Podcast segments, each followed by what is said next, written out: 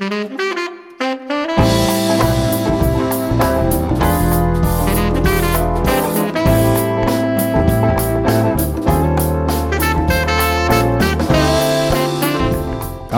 თქვენ უსმენთ რადიო თავისუფლების პოდკასტს მოლაპარაკე ტექსტებს. მე ბიძინა რამიშვილი გახლავართ.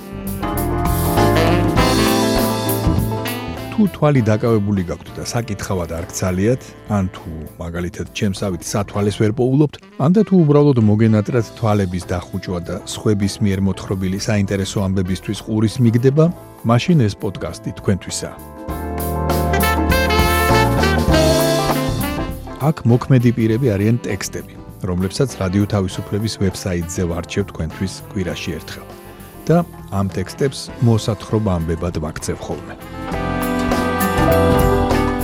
აქვე გეტყვით, რომ ამბებს, რომლებზეც გიყვებით ამ პოდკასტში, სრული სახით გაეცნობით რადიო თავისუფლების ვებსაიტზე, რომლის მისამართია radiotavisupleba.ge.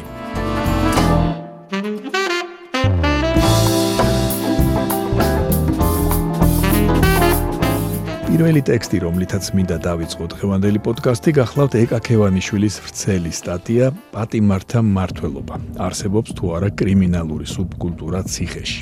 ამ სტატიიდან რამდენიმე ნაწყვეტს მოგასმენინებთ.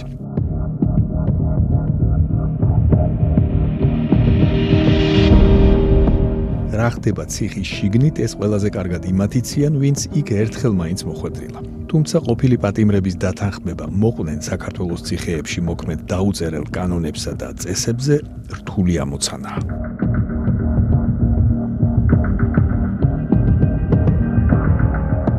რას იღებენ ეგრეთ წოდებული კრიმინალური სუბკულტურის წევრები იმის სანაცვლოდ თუ ციხის ადმინისტრაცია ზედმეტ თავის ტკივილს ააშორებენ და მაგალითად პატიმრებს საჩივრებზე უარს ათქმევინებენ. შეღავათებს. რას იგებს ადმინისტრაცია? იმას, რომ რაც ციხის შიგნით ხდება, ციხეში ვერ რჩება.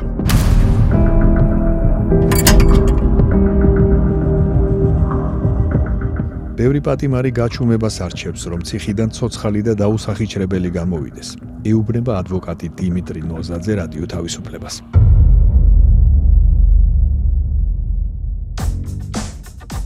ციხე და იქ სავარაუდოდ დღემდე არსებული ეგრეთ წოდებული ქურდული სამყარო და დაწესებული იერარქიები დეტალურად არის შესწავლილი გამოკვლევაში კრიმინალური სუბკულტურის გავლენა პენიტენციური დაწესებულებების მართვაზე. ამ კვლევაში მისი ავტორები გვაჩვენებენ ნახევრად ღია ტიპის სასჯელ აღსრულების დაწესებულებაში, ანუ ეგრეთ წოდებულ ზონებში არსებულ იერარქიის მოდელს, სადაც ეგრეთ წოდებულ მაყურებელს, ანუ პალაჟენეთს ყავს დამხმარეებიც.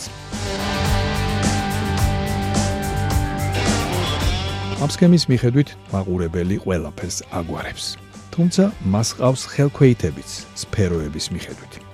ეგრეთ წოდებული კორპუსის მაყურებლები რეგიონის მაყურებლები, მაყურებელი ეთნიკური უმცირესობების წარმომადგენელთათვის, თამაშების მაყურებელი, ბალნიჩკის მაყურებელი, ვახტის მაყურებელი, დაჩკების მაყურებელი და ასე შემდეგ.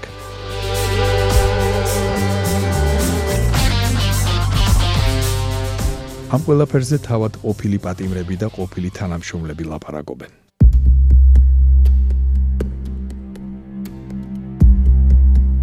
ყოფილი პატიმარი ადმინისტრაცია და ისინი ჩახუტებულები არიან. ადმინისტრაცია უწყობს ხელს რომელიმეს დაწინაურებას მაყურებლად. ადმინისტრაციას აწყობს სიწყნარე რომ იყოს და რომელსაც მეტი ავტორიტეტი აქვს, უწყობენ ხელს რომ იმან მართოს.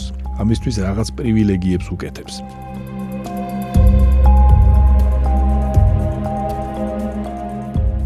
ოფილი თანამშრომელი თავისუფლად დადიოდნენ, მოძრაობდნენ, ახალი მისული რომ ვიყავით, ძალიან რთულად გავერკვიე, ვინ პატიმარი იყო და ვინ თანამშრომელი.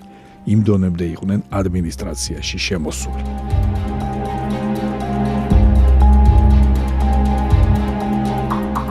არანაირი კრიმინალური სუბკულტურა პენიტენციურ დაწესებულებებში არ არსებობს. პენიტენციურ დაწესებულებებს მართავს სახელმწიფო და არა კრიმინალური ავტორიტეტები.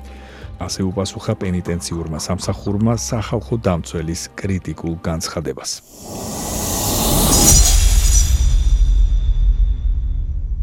პენიტენციური სისტემის მკვლევარი ტატო ქელბაქიანი ამბობს, რომ სუბკულტურა ერთი ხელის მოსმით ვერაორთქლდება.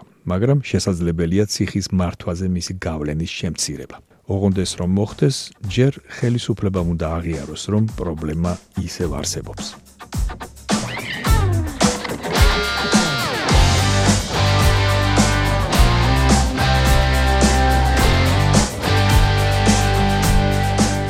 ეს იყო ნაწყვეტები ეკაკევანიშვილის სტატიიდან პატიმართა მართლობა. არსებობს თუ არა კრიმინალური სუბკულტურა ციხეში.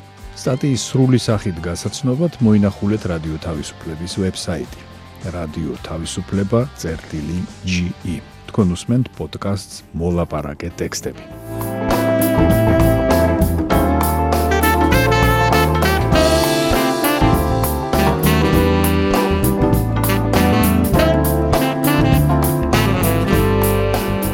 რადიო თავისუფლების ვებსაიტზე გამოქვეყნებული სტატია, რომელიც ახლა მინდა გაგაცნოთ, ეძღვნება იონ მიჰაი პაჩეპას.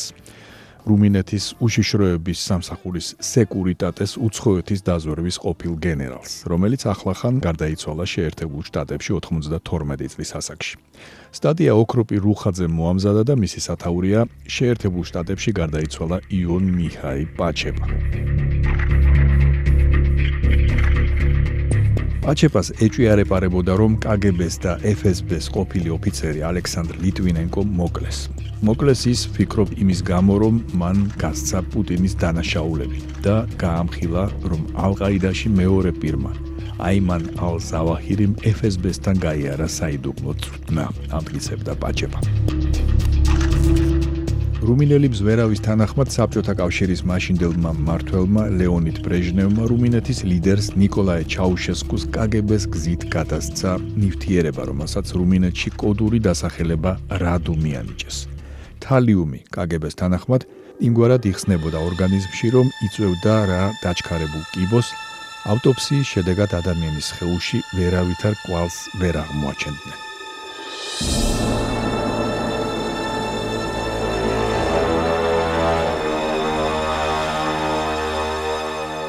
იონ პაჩეპა რუმინეთის სადაზვერო სამსახურს შეუერთა 1951 წელს და მის რიგებში გაიზარდა. ის 1978 წელს გადავიდა მოწინააღმდეგის მხარეს და შეერთებულ შტატებში თავშესაფარი მოითხოვა. ის იყო კომუნისტური ქვეყნების უშიშროების სამსახურების დასავლეთში გაქცეული ყველაზე მაღალი რანგის ოფიცერი.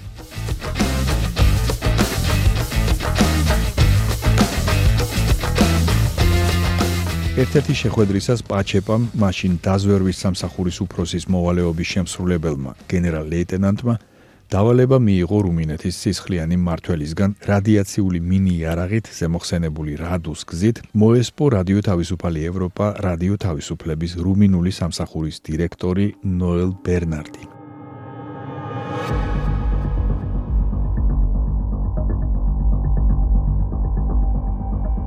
1991 წლის 21 დეკემბერს ბერნარდი კიბოს სწრაფად განვითარებადი ფორმით გარდაიცვალა.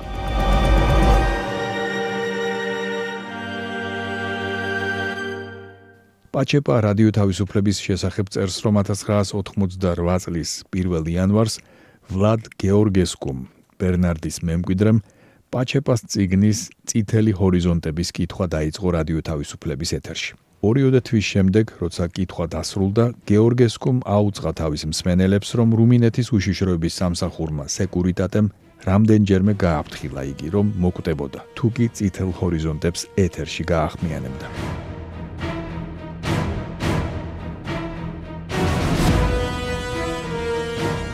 რამდენიმე თვის შემდეგ იგი სწრაფად განვითარებადი ფორმის კიბოთი გარდაიცვალა.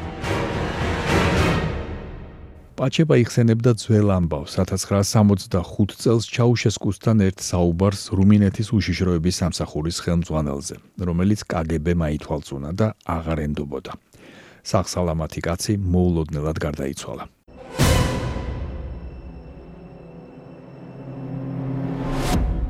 მოსკოვმა მოკლა. ჩამჩურჩულა ახალმა რუმინელმა ლიდერმა ნიკოლაი ჩაუშესკუმ ამ ამბის მერე რამდენიმე თვის შემდეგ. კგბ-ს მიერაა დასხივებული. უთქვამს პაჩეპასთვის ჩაუშესკუს, რომელსაც აშკარად შეშინებულს ბრძანება გაუწია. დაუყოვნებლივ შემეძინა რადიაციის დასავლური დეტექტორები და საიდუმლოდ დამემონტაჟებინა მის ყველა ოფისსა და რეზიდენციაში.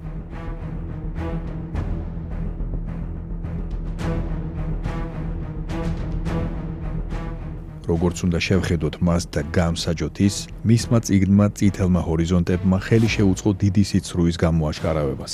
მას მერე რაც ზურგი შეაქცია დიქტატურას, რომელსაც ადრე ემსახურებოდა, ის კომუნიზმის შეურიგებელი მოწინააღმდეგე გახდა.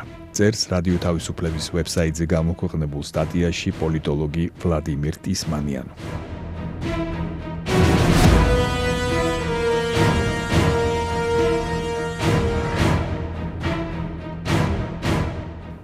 პაჩეპა იხსენებდა, როგორ აძლევდნენ მას საბჭოთა კოლეგები ინსტრუქციებს და როგორ ეფუძნებოდა დეзинფორმაციის თანამედროვე მეთოდები ცარისტული რუსეთის მემკვიდრეობას.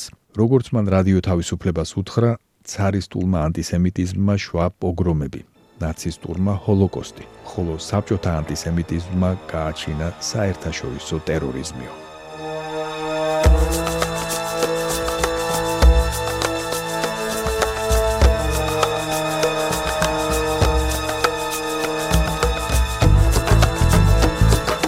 ეს იყო ნაწყვეტების სტატიიდან შეერთებულ შტატებში გარდაიცვალა იონ მიჰაი პაჩეპა, რომელიც ოქრო პირველ ხაცენ მოამზადა. სრული სახით მას შეგიძლიათ გაეცნოთ რადიო თავისუფლების ვებსაიტზე, რომლის მისამართია რადიო თავისუფლება CERTILI.GE. თქვენ უსმენთ პოდკასტს მოლაპარაკეთ ტექსტები.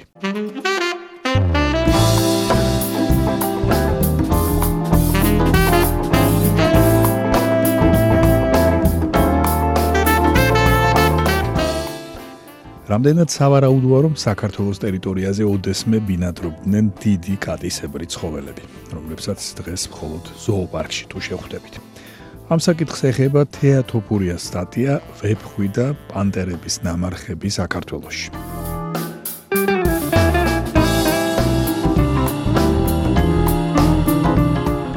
ასი წლის წინ სოფელ ლელოფთან მოკლეს ბოლო ვებხვი, რომელიც საქართველოში ველურ პირობებში არსებობდა. იყო თუ არა მანამდე სხვა ვებხვებიც. მეცნიერების ნაწილი ვარაუდობს, რომ კი, თუმცა ამის დამადასტურებელი მასალა ბევრი არაა.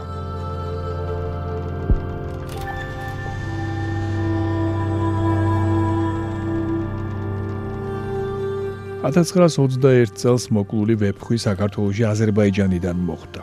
ვარაუდობენ, რომ ამხელა მანძილი მან ძუ ვებხვის ძებრაში გამოიარა. მარშრუტი დაახლოებით ასეთი უნდა ყოფილიყო. აზერბაიჯანი გარდაბნის დღე მანგლისი. შემდეგ ვეფხვი მტკვრის მიდამოებს ტოვებს და მდინარე ხრამს ან მდინარე ალგეთს მაღლა აუყვება.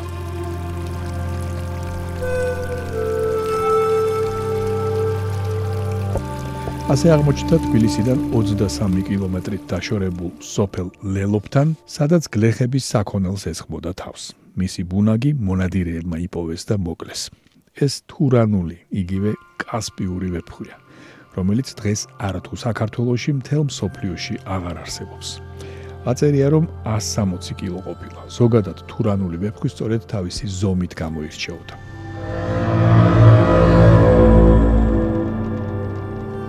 თბილისის ზოოპარკის დირექტორს ზურაბ გურიელიძეს ეჭვიარეპარება რომ წარსულში საქართველოს ტერიტორიაზე ვეფხვები ბინადრობდნენ.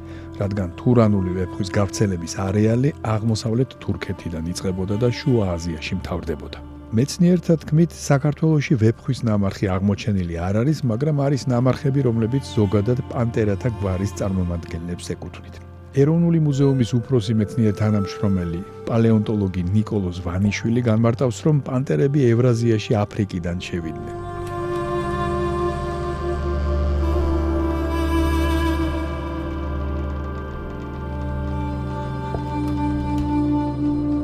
როგორ შემოინახა ვეფხვი ქართულმა ფოლკლორმა და ლიტერატურამ. პარადოქსია, მაგრამ ვეფხის ყაოსანში, რომელიც პირველად გვახსენდება ვეფხვის ხსენებაზე, სინამდვილეში ლეოპარდზეა საუბარი.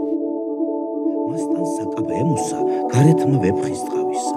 ვეფხის ტყავისა ქუდივე იყო სარქმელი თავისა. ხელთან აჭედი მათრახი ჰქონდა უსხოსი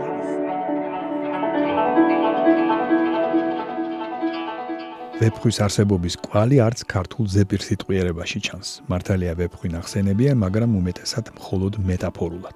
კიდევ ერთ მიზეზად, რის გამოც ვეფხვი ქართულ ფოლკლორში ნაკლებადაა შემორჩენილი, მეცნიერები ასახელებენ იმასაც, რომ ზეპირი გადმოცემების ჩაწერა მხოლოდ მე-19 საუკუნიდან დაიწყო.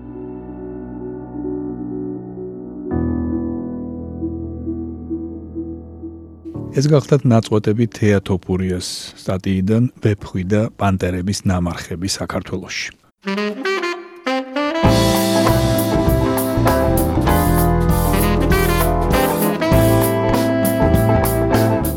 თქვენ მოისმინეთ რადიო თავისუფლების პოდკასტი მოლაპარაკე ტექსტები. მე პირაში ერთხელ ვარჩევ რადიო თავისუფლების ვებსაიტზე გამოქვეყნებულ ტექსტებს და მათ მოსათხრობ ამბებად ვაქცევ ხოლმე.